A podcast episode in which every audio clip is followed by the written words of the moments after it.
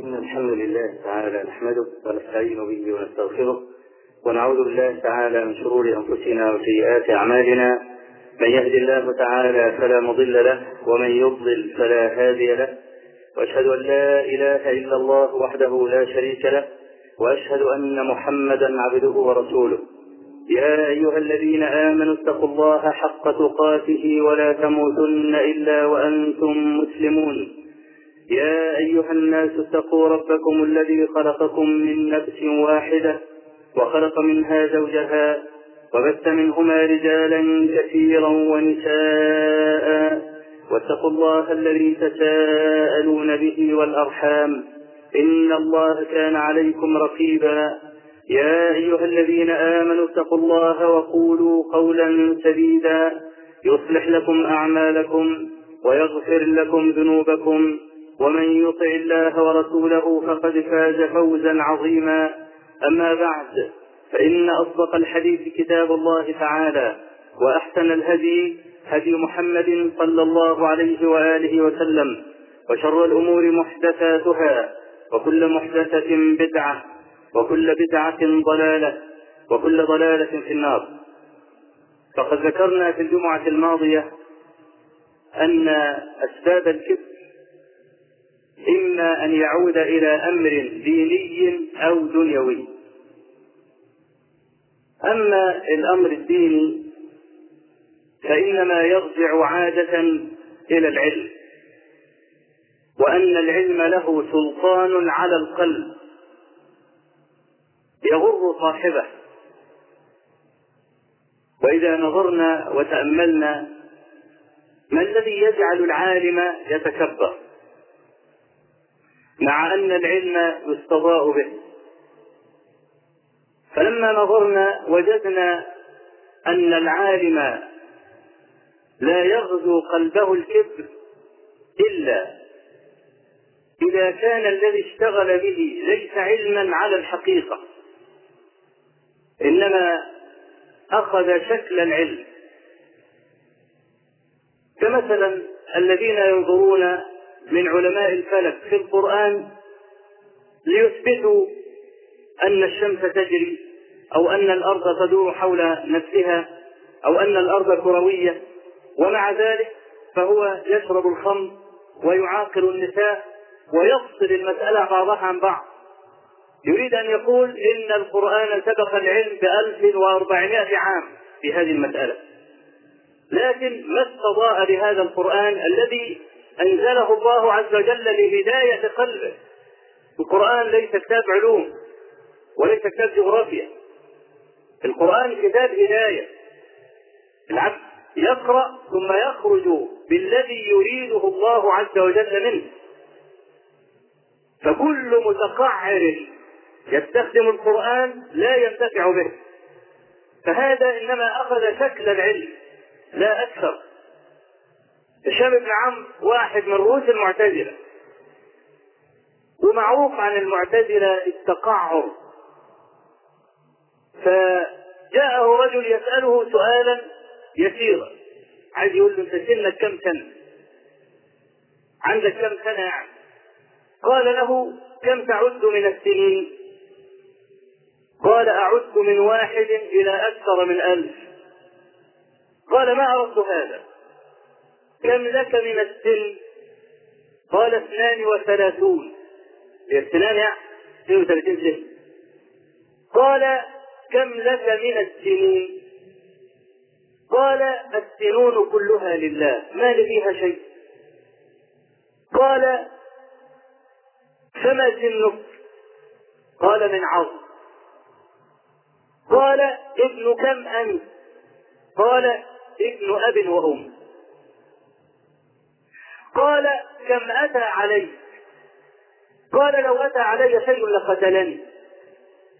قال ويحك فما أقول إذا؟ قال قل كم مضى من عمرك الإمام الذهبي رحمه الله يعلق على القصة دي يقول هذا غاية ما عند هؤلاء المتقعرين تقعرات وشقاشق لا يعبأ الله بها. والله عز وجل علم نبيه صلى الله عليه وسلم أن يقول وما أنا من المتكلفين. وهذا قمة التكلف حتى أن النبي صلى الله عليه وسلم كان يكره السجع في الدعاء. الواحد يدعو دعاء مسجوع منمق. فيدعو بما تمس حاجتك إليه بما ينضح به قلبك. والصدق له أمارات وعلامات وإن خذلتك الألفاظ.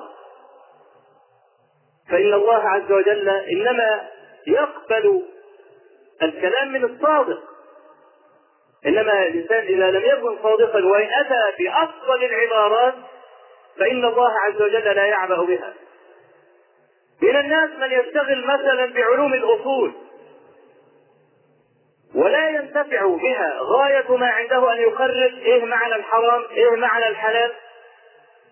طب هل استفدت الذهبي في كتاب ميزان الاعتدال ذكر رجلا إذا ذكر علم أصول الفقه فهو كالشمس. وله كتاب من أمتن الكتب في أصول الفقه. قال الذهبي عنه صح عنه أنه كان يترك الصلاة. يترك الصلاة ومشتغل بعلم أصول الفقه. إذا ما الذي استفاده إذا؟ فلما آنسوا منه ذلك جاء بعض أقرانه وهو نائم فأتى على بطن قدمه وصب عليه حبرا. لأن هو لو بيصلي لما يغسل رجله الحبر هيروح. فجاءوا بعد ثلاثة أيام وإذا الحبر كما هو على بطن رجله. فهذا ما انتفع بشيء. رجل يترك الصلاة وعمال يتكلم بقى في الحرام ما هو والحلال ما هو والمندوب ما هو هذا شيء لا يعبأ الله عز وجل به. فمثل هذا أو مثل هذا النمط ذمهم الله عز وجل في كتابه. وسمى أمثال هؤلاء باغين معتدين. قال تعالى إن الدين عند الله الإسلام. وما اختلف الذين أوتوا الكتاب إلا من بعد ما جاءهم العلم باغيا بينهم. أي ما اختلفوا بغيا بينهم إلا بعدما جاءهم العلم. وما كان ينبغي لهم أن يختلفوا لما جاء العلم. نعم نختلف ونحن جهلة لكن إذا جاء العلم فينبغي أن يرتفع الاختلاف. وقال تعالى ولقد بوأنا بني إسرائيل مبوأ صدق ورزقناهم من الطيبات فما اختلفوا حتى جاءهم العلم. إن ربك يقضي بينهم يوم القيامة فيما كانوا فيه يختلفون وقال تعالى في نفس هذا المعنى ولقد آتينا بني إسرائيل الكتاب والحكم والنبوة ورزقناهم من الطيبات وفضلناهم على العالمين وآتيناهم بينات من الأمر فما اختلفوا إلا بعدما جاءهم العلم باغيا بينهم. إن ربك يقضي بينهم يوم القيامة فيما كانوا فيه يختلفون. وقال تعالى أفرأيت من اتخذ إلهه هواه وأضله الله على علم؟ وهذا هو أحد المعنيين في تفسير الآية. المعنى الأول أضله الله على علم منه تعالى أنه سيضل. أي كان الله عز وجل يعلم أنه سيضل. وهذا المعنى الأول. المعنى الثاني أن ذات هذا الضال كان على علم. ومع ذلك ضل برغم وجود هذا العلم. فقبيح جدا أن يعثر من بيده مصباح. قد يعثر الذي يمشي في ظلمة. فلا يرى ما تحت قدميه. إنما رجل معه كشاف معه مصباح فكيف يعثر والعلم يستضاء به قال تعالى أفمن يعلم أن ما أنزل إليك من ربك الحق كمن هو أعمى؟ إنما يتذكر أولو الألباب. فما ثم في الناس إلا عالم وأعمى. إما عالم وإما أعمى. والأعمى هذا هو الجاهل لأنه لم يستخدم جهة من جهات العلم. وجهات العلم ثلاثة العقل والسمع والبصر. فإن المرء إنما يتلقى العلم بهؤلاء الثلاثة. قال تعالى ولقد ذرأنا لجهنم كثيرا من الجن والإنس لهم قلوب لا يفقهون بها ولهم أعين لا يبصرون بها ولهم آذان لا يسمعون بها. أولئك كالأنعام بل هم أضل أولئك هم الغافلون. وقال تعالى صم بكم عمي فهم لا يعقلون. وقال تعالى عن بعض أهل النار وقالوا لو كنا نسمع أو نعقل ما كنا في أصحاب السعير. فاعترفوا بذنبهم فسحقا لأصحاب السعير. وقال تعالى إن شر الدواب عند الله الصم البكم الذين لا يعقلون. ولو علم الله فيهم خيرا لأسمعهم ولو أسمعهم لتولوا وهم معرضون. فهؤلاء لم يستخدموا هذه الآلات التي خلقها الله عز وجل لتلقي العلم منه. لذلك كانوا عميانا. أفمن يعلم أن ما أنزل إليك من ربك الحق كمن هو أعمى؟ إنما يتذكر أولو الألباب. وقال الله عز وجل إنما يخشى الله من عباده العلماء. فالعلم الذي لا يورث صاحبه خشية فليس علما على الحقيقة. إنما هو شبه العلم. والذي آتاه الله عز وجل نور البصيرة يفرق. كما يفرق ما بين العالم وما بين شبيه العالم. فالعلم نور يستضاء به. بل إن العلم أيها الإخوة الكرام وصل به الأمر أن رفع الكلب. قال تعالى يسألونك ماذا أحل لهم؟ قل أحل لكم الطيبات وما علمتم من الجوارح مكلبين. تعلمونهن مما علمكم الله فكلوا مما أمسكن عليكم واتقوا الله. إن الله سريع الحساب. في الصحيحين من حديث عدي بن حاتم أنه سأل النبي صلى الله عليه وسلم عن صيد الكلب. رجل الصياد تضرب طائر في السماء ينزل ميه ينزل على بر ومعك الكلب. فأول ما تضرب الطائر وينزل على الأرض الكلب بتاعك يجري ويأتي لك بهذا الطائر بين فكيه طب ما حكم أكل مثل هذا الصيد؟ الكلب اللي معاك ينبغي أن تعلمه. تعلمه. الرصاصة بتاعتك شكلها إيه؟ والكلب من التعليم يتبع الطائر ويعلم أين خطر حتى لو كان معك صيادون آخرون كل واحد يضرب وسقط أكثر من طائر على الأرض هو عارف الطير الذي أسقطه أنت. انت معلمه. فإذا علمت هذا الكلب جاز لك أن تأكل ما صاده عليه حتى وإن قتله لما مسكه بين فكيه يسألونك ماذا أحل لهم؟ قل أحل لكم الطيبات وما علمتم من الجوارح مكلبين. مكلبين إشارة إلى الكلب. تعلمونهن مما علمكم الله فكلوا مما أنتجنا عليه. الكلب اللي أنت معلمه وعلمته فصيده حلال. أما إذا كان الكلب جاهلا يمسك أي طائر سقط فهذا لا يحل لك أن تأكل صيدا. فالعلم رفع مرتبة كلب من الكلاب وحط مرتبة كلب آخر. والعلم بطبيعته يرفع المنتسب إليه.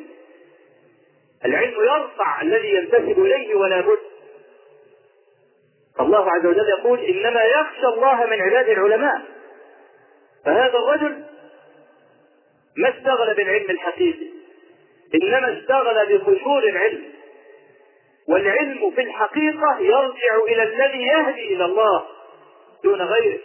طب الهندسة الصيدلة أي شيء من هذه إنما ينبغي أن تسمى صناعات لا تسمى علوما.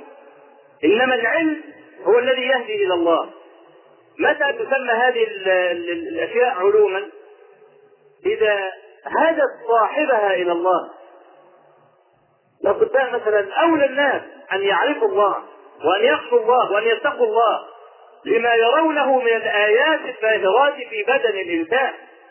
ومع ذلك فقد تجد الرجل ضليعا في هذا العلم وهو يعاقر المحرمات. فهذا ما عنده علم أصلا إنما عنده صناعة. فإذا استثمر هذه الصناعة وزادته خشية إنما يسمى علما لأنه رد في النهاية إلى علم الدين.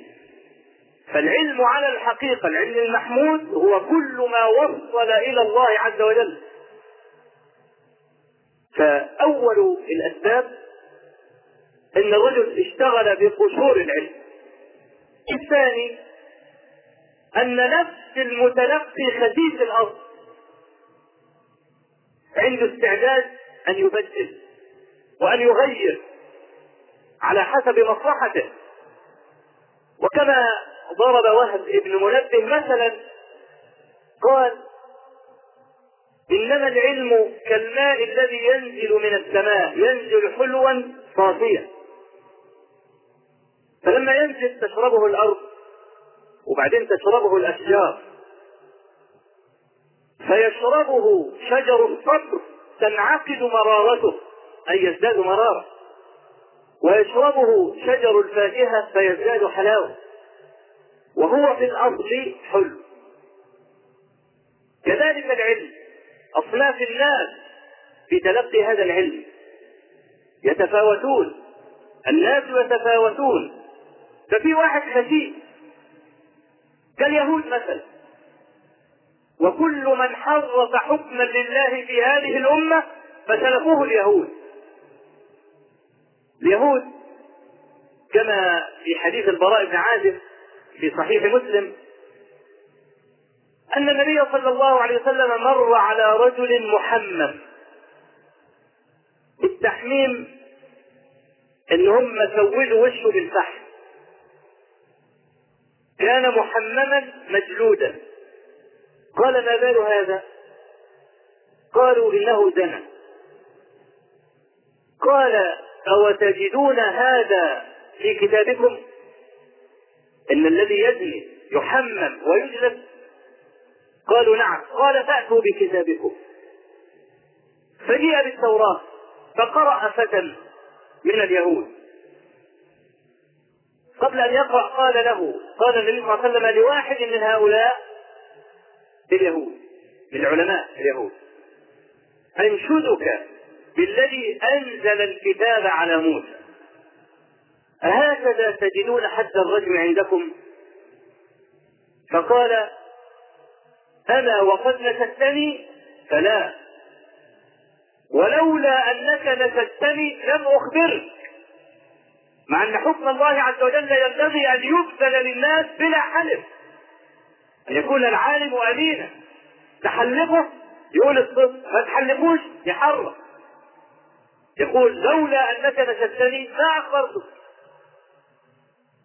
إن الزنا لما كثر في أشرافنا فكنا لا نقيم الحد عليهم ونقيمه على الضعيف.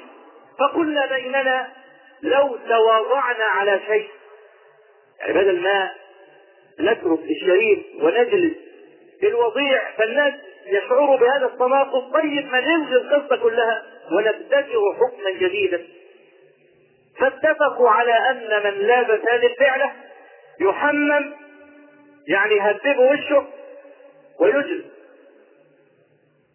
فقال صلى الله عليه وسلم ائتوني بالتوراة. فجاءوا بها فوضع الفتى يده على آية الرجل وقرأ ما قبلها وما بعدها. فقال له عبد الله بن سلام ارفع يدك. وقد ورد هذا أيضا في حديث ابن عمر في الصحيحين. ارفع يدك. فرفع فإذا آية الرجل. قال صلى الله عليه وسلم اللهم إني أول من أحيا أمرك. إذ أماتوه. ثم أمر بهذا الرجل فرجع. فهؤلاء يبدلون أحكام الله لعرض الدنيا.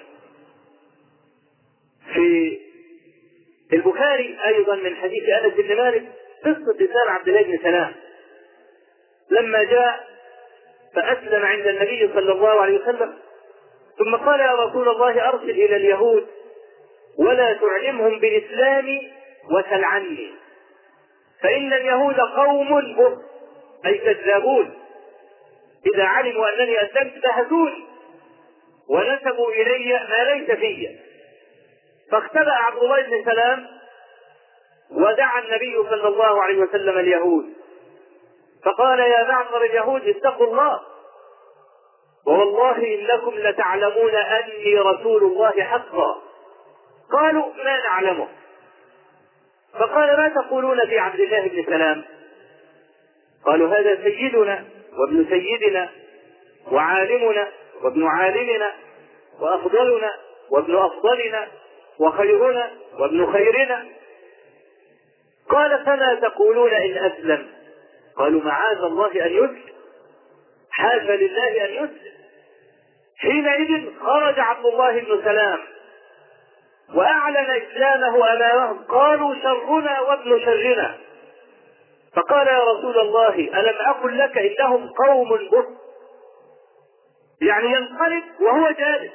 ليس عنده حياء الانسان عنده حياء يسوي الكذب بتاعه إنما في نفس المجلس. لسه بيقول سيدنا ابن سيدنا خرج ان شرنا ابن شرنا يبقى ليس عنده حياء هذا الذي يكذب علنا وفي نفس المجلس يبدل قوله. فكل من بدل حكما من أحكام الله عز وجل بهذه الأمة فله شبه من هؤلاء اليهود. لو نظرت إليه لوجدته خسيسا حتى في معاملة الناس إن الوفاء لا يتجزأ. وهذا الخسيس دائم الهوان لأنه يريد ما عند الناس ليس عنده عزة. يبيع اغلى ما عنده لعرض بخس زائل ما له قيمة. إن الهوان حمار البيت يألفه والحر ينكره والدين والأسد ولا يقيم بدار الذل يألفها إلا الذليلان عير الحي والوتد. هذا على الخس مربوط برمته وذا يشج فلا يرضي له أحد. الحر لا يتحمل هذه المسألة. رجل يقول مثلا إن الختان عادة جاهلية وإن النقاب ما له أصل في الإسلام. ما الذي جرى؟ هو القرآن أزيل يعني كل الخلق دول لما بيقرأوا القرآن أغبياء لا يستطيع أن يميز كتب التفسير محيت بأي حياة بأي وجه يتكلم مثل هذا الإنسان. وهو يرى أن الكتب مبذولة بيد الدنيا كلها ويعلم أنهم يعلمون أنه كاذب. ومع ذلك يهون عليه مثل هذا. يبدل. فالناس في مقابل العلم أصناف. ذكرهم النبي صلى الله عليه وسلم في حديث أبي موسى الأشعري في الصحيحين. قال صلى الله عليه وسلم إن مثل ما بعثني الله به من الهدى والعلم كمثل المطر الكثير أصاب أرضه. فكان منها طائفة نقية. قبلت الماء وأنبتت العشب فشرب الناس وسقوا وزرعوا. وكان منها أجاجب أمسكت الماء وكان منها قيعان. لا تمسك ماء ولا تنبت كلأ فذلك مثل من فقه في دين الله. أي ورفع رأسه بما جاء به النبي صلى الله عليه وسلم فعلم وعلم. ومثل من لم يرفع بذلك رأسا ولم تفع بالذي أرسله الله سبحانه وتعالى إليه. إذا عندنا الناس ثلاث أصناف. اللي هو المحل القابل للعلم. ثلاث أصناف يبقى عندنا الناس ثلاث أصناف اللي هو المحل القابل للعلم. ثلاث أصناف الصنف الأول وهو أفضل الأصناف الثلاثة. طائفة نقية شربت الماء وأنبتت العشب. فهذا مثل من انتفع بالعلم في خاصة نفسه ثم نفع غيره به. كما قال صلى الله عليه وسلم خيركم من تعلم القرآن وعلمه. تعلم القرآن مش وقف عند حروف القرآن. وقعد يتقعر في القراءة. ويجيب القاف من مصارينه. ويجيب الكاف مش عارف منين. والتاء منين. ومع ذلك يضيع حدود الله. يقيم الحرف ويضيع الحد. لا. خيركم من تعلم أي ظهر أثر هذا القرآن عليه. فلا يزداد به إلا رفعة ولا يزداد به إلا خوفا. لكن المتكبر آمن. يمشي امنا كأن الله عز وجل أنزل إليه صكا بالأمان. أنت معفو عنك. إنما أهل العلم كانوا يخافون. وقد سجل الله عز وجل ذلك لهم. قال إنما يخشى الله من عباده العلماء هم الذين يخشونه وكلما ازدادوا له خشية ازدادوا له محبة فلا يزالون في رفعة أبدا. فهذه الطائفة تعلمت انتفعت في خاصة نفسها وظهر هذا عليها. قيل لمالك ابن مغول كان أحد العلماء الثقات اتق الله فوضع خده على الأرض. وكان مالك أحد العلماء الربانيين وما ضره أن وضع خده على الأرض بل ذلك رفعه له وده أثر أن ينتفع المرء بالعلم. يبقى اذا تعلم في نفسه وعلم غيره فكان أثره متعدد. الطائفة الثانية أجادب والأجادب طائفة من الصخر لا يتفجر من خلالها الماء. مصر. فهذه الطائفة احتفظت بالماء. وما شربته إذا هذه فيه إشارة إلى من علم وإن لم يكن أخذ بنوافل العلم. يعني في مثلا بعض الناس قد يمضي ليله كله في تحرير مسألة ومع ذلك لا يقوم الليل ولا يقرأ ورده من القرآن. والصبح بعد ما حفظ المحاضرة جلس على الكرسي وعلم الناس. فكم من ناج بكلامه. فهذا ينظر إلى حاله وإلى المسألة التي حررها. وإلى كثرة المحتاجين إليها ويحصل نوع من المفاضلة. فإذا كانت مسألة من لب العلم وعمت بها البلوى في بلده وعامة الناس يحتاج إليها وإلى تحريرها فهذا أفضل من أن يقوم الليل. تبقى المسألة فيها مفاضلة لأن قيام الليل إنما يكون له وحده. إنما هذه المسألة حصل بها جماهير أهل العلم ولذلك الإمام أحمد لما سئل عن الرجل يصلي ويصوم ولا الرجل يرد على أهل البدع؟ قال الذي يرد على أهل البدع أفضل. لماذا؟ لأن الذي يصلي إنما ينتفع وحده بهذا. والذي يرد على أهل البدع ينفع ألوف الناس بما قرره وأصله فهذا هذه المسألة فيها تفصيل لكن على أي حال هذه الطائفة أمسكت الماء. فانتفع الناس بهذا الماء. لكن الطائفة الأولى أفضل بلا شك. لأنه عالم عامل استطاع أن يجمع ما بين أن يعمل ويعلم. والطائفة الثانية علمت وإن قصرت في بعض العمل من النوافل اللي لا يتصور في الطائفة الثانية أن تقصر في الواجبات التي أوجبها الله عز وجل وإلا فقط إنما تقصيره في نوافل العلم. وهذه المسألة فيها تفصيل على نحو ما ذكرت آنفا. يبقى الطائفة الثالثة وهي القيعان أرض رملية لو نزل مليارات الأمتار المكعبة من الماء فلا تجد لها أثرا. فإن أردت أن تعصر هذا الرمل لتنزل قطرة ماء ما ظفرت بها. فلا هي أمسكت ماء للناس كي ينتفعوا ولا هي أنبتت عشبا إذ شربت هذا الماء واحتواه بطنها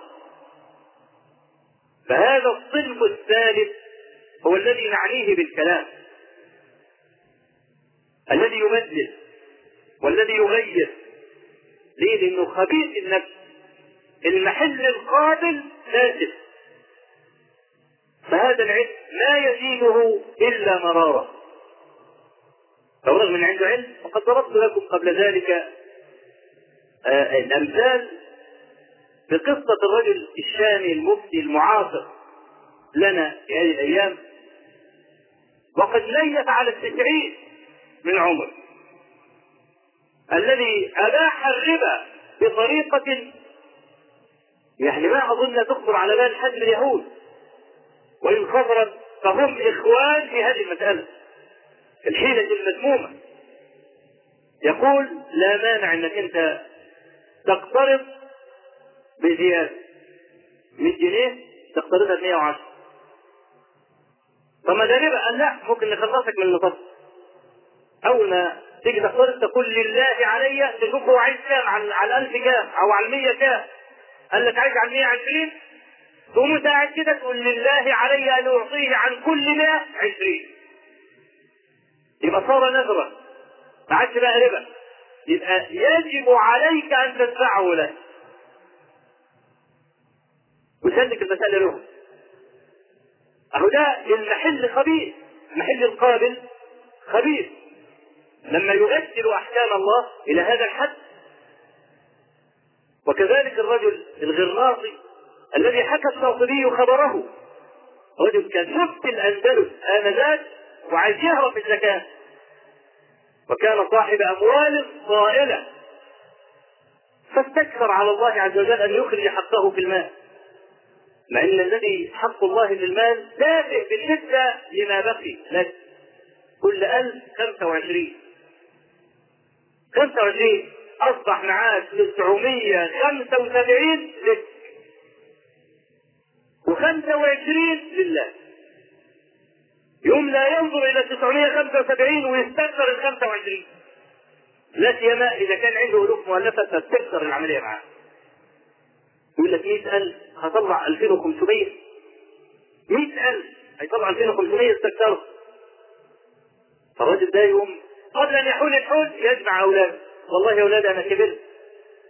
وقربت أموت وبعدين هعمل إيه بالفلوس؟ خذوه. فلما أخذها الأولاد صاروا ملاكا جددا لهذا الماء. يبقى لا يجب فيه الزكاة إلا بعد ما تمر سنة. قبل ما تمر السنة يقوم الولاد جايبين يا أبويا أنت لسه ما متش. وإحنا بقى هننتفع بالمادة وأنت حي ده حتى قل الأرض. خد يا أبونا خد الماء يقوم واخده منه. يبقى لن يدفع الزكاة إلا بعد حلول الحول. وقبل حلول الحول يعملوا نفس التمثيلية دي. أهو المحل خبيث محل القابل خبيث. من كفع بهذا العلم؟ ولا رفع به رأسا ولم يتعلم فضلا عن أن يعلم. فهذان سببان جوهريان.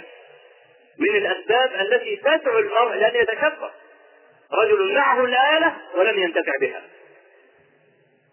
فكان من ثمرات هذا الكذب ثمرة مرة وهي التعالي على الناس. وظن العالم إنه أرفع منهم وإنه أفضل منهم. فلا تكاد تراه يسلم على أحد. وإذا عامله أحد معاملة لا تليق غضب وبشره بسوء منقلبه وقل ما يزور الناس. لا يجامل أحدا لا يعزي أحدا ولا يواسيه ولا يهنئ أحدا. في برج عاجل يغلق هذا دعوى عنده إن المفروض إن العالم يكون بينه وبين الناس حجاب عشان ما ياخدوش عليه. لأن لو أخذوا عليه يبقى كلامه لن يكون له ذاك المحل في قلوبهم لكن طول ما هو محتجب يبقى له قيمة. مع أن رسول الله صلى الله عليه وسلم كان يبذل نفسه للناس. في صحيح مسلم كانت وليدة كأن في عقلها شيئا. بنت كان عقلها في شيء. كانت تأخذ بيد رسول الله صلى الله عليه وسلم. وتطوف به في شوارع المدينة فلا ينزع يده من يدها. وكان يتألفها. وكان صلى الله عليه وسلم إذا سلم على أحد لا ينزع يده من يده حتى يكون هو الذي ينزع. وكان شديد التواضع. يقول آكل كما يأكل العبد وأشرب كما يشرب العبد. وتصف عائشة رضي الله عنها سلوكه في حياته. تقول كان يكون كأحدكم في مهنة أهله. يخيط ثوبه ويخصف نعله. فإذا قامت الصلاة قام عنا. فإذا يعني أذن للصلاة قام عنا. وكان يجلس كما يجلس العبد. جلسة المستكين. وفي الحديث الذي يصححه بعض أهل العلم وهو عند ابن ماجه وغيره أنه جاءه رجل فجعل ترعد خرائطه. أول ما قدامه الرجل بيرتعش فقال هون علي. فإنما أنا ابن امرأة كانت تأكل الخديد بمكة. إني لست بملك. المشهور عن الملوك إنهم جبابرة. فقال إني لست بملك. ولذلك يا بلقيس لما بعثت الهدية لسليمان أرادت أن تعلم من هو. هو بيقاتل لدنيا ولا لمبدأ؟ فأرسلت إليه هدية. فلما وصلت الهدية غضب سليمان عليه السلام أشد الغضب. قال أتمدونني بمال؟ فما آتاني الله خير مما آتاكم بل أنتم بهديتكم تفرحون. ارجع إليهم فلنأتينهم بجنود لا قبل لهم بها. قصة مش قصة ماس تديله وتكسر عينه. إننا لا نبيع الهدى بملء الأرض ذهبا. وهكذا ينبغي أن يكون أهل العلم. لا يداهن.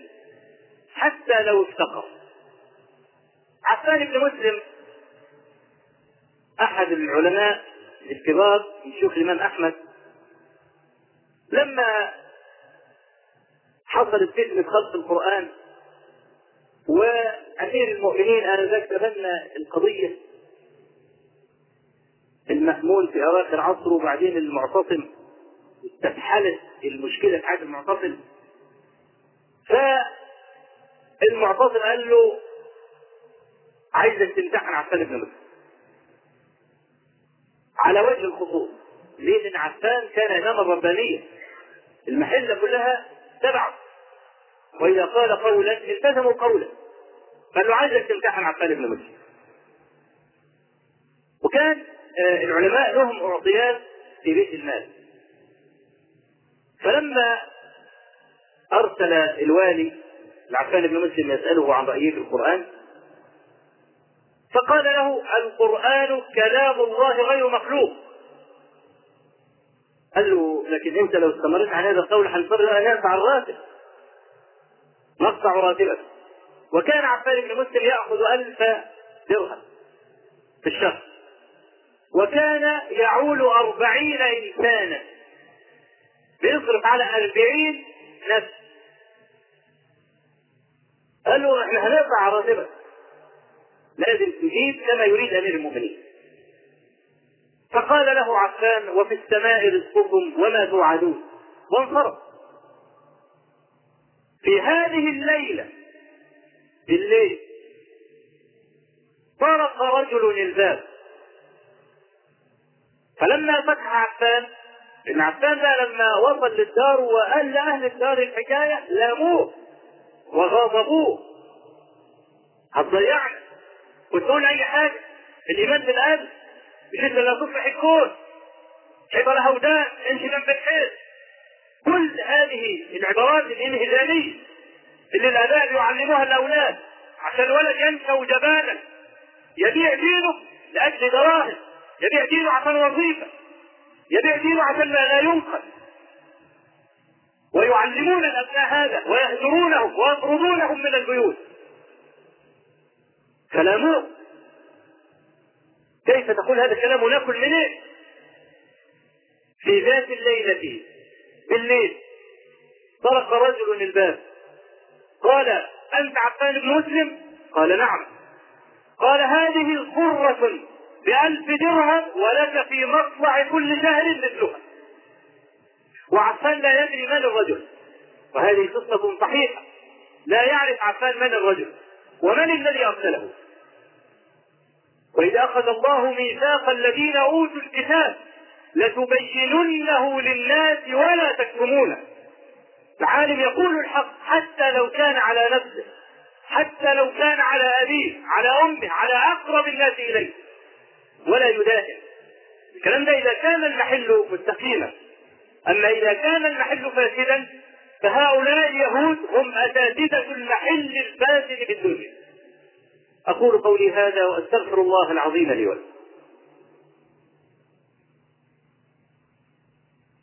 الحمد لله رب العالمين.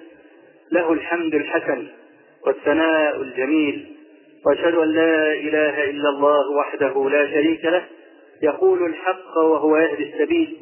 وأشهد أن محمدا عبده ورسوله صلى الله عليه وعلى آله وصحبه وسلم. فالعلم النافع هو الذي يورث صاحبه التواضع. لكن الترفع عن الناس واعتقاد إنه أفضل من الناس هذه قاصمة الظهر التي لا شوى لها. قصة من 25 سنة فقط. حصل إشكال ما بين اثنين من المشاهير واحد أشهر من الثاني. لا الرجل اللي هو ليس مشهورا وهذه وقيعة حدثت في مجلس الشعب؟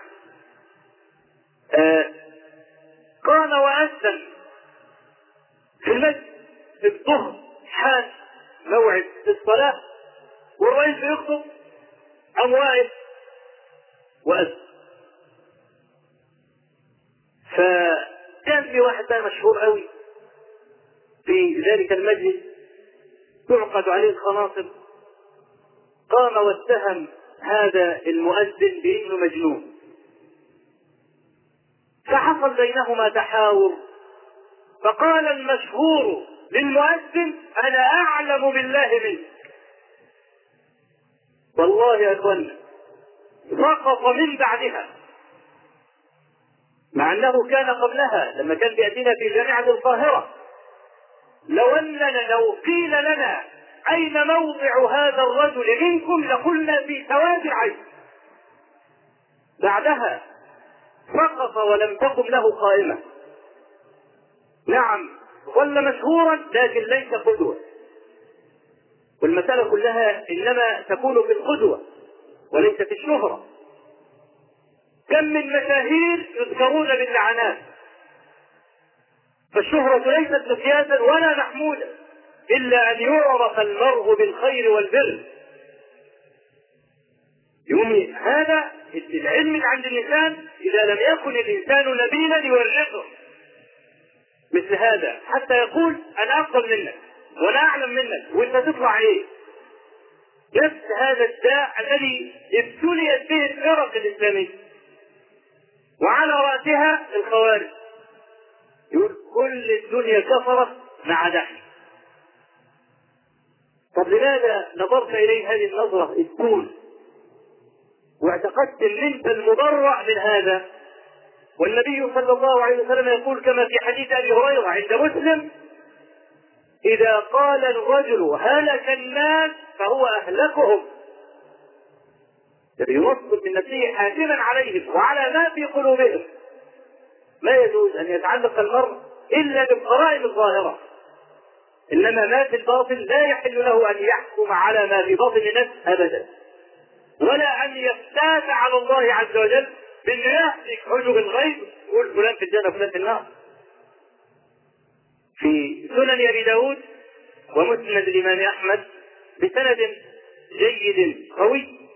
عن أبي هريرة رضي الله عنه قال قال رسول الله صلى الله عليه وسلم كان رجلان متواخيان في بني إسرائيل. أحدهما مجدا والآخر مقصرا.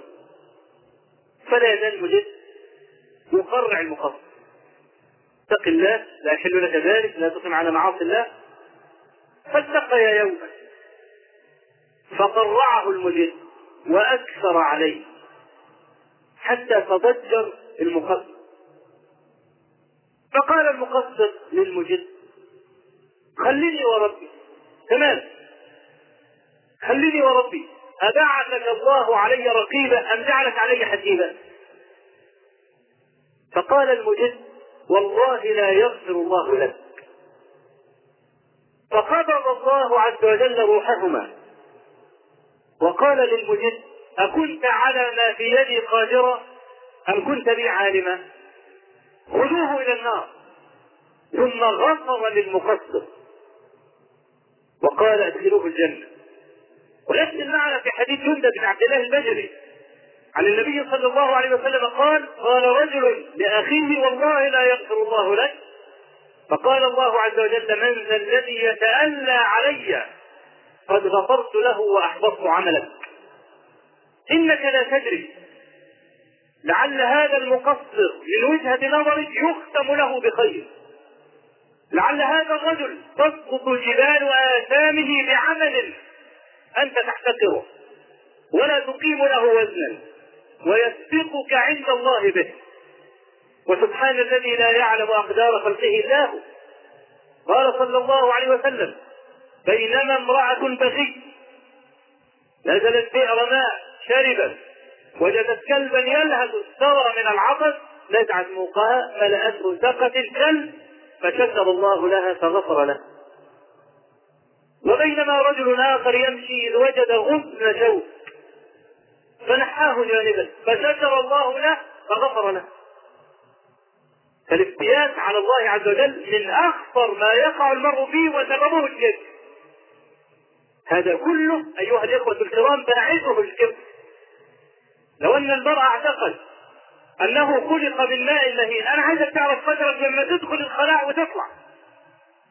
ثم تعرف قدرك. الإمام مالك كان يقول إني لا أستحيي من الله من كثرة ترددي على الخلاء. أستحي من الله.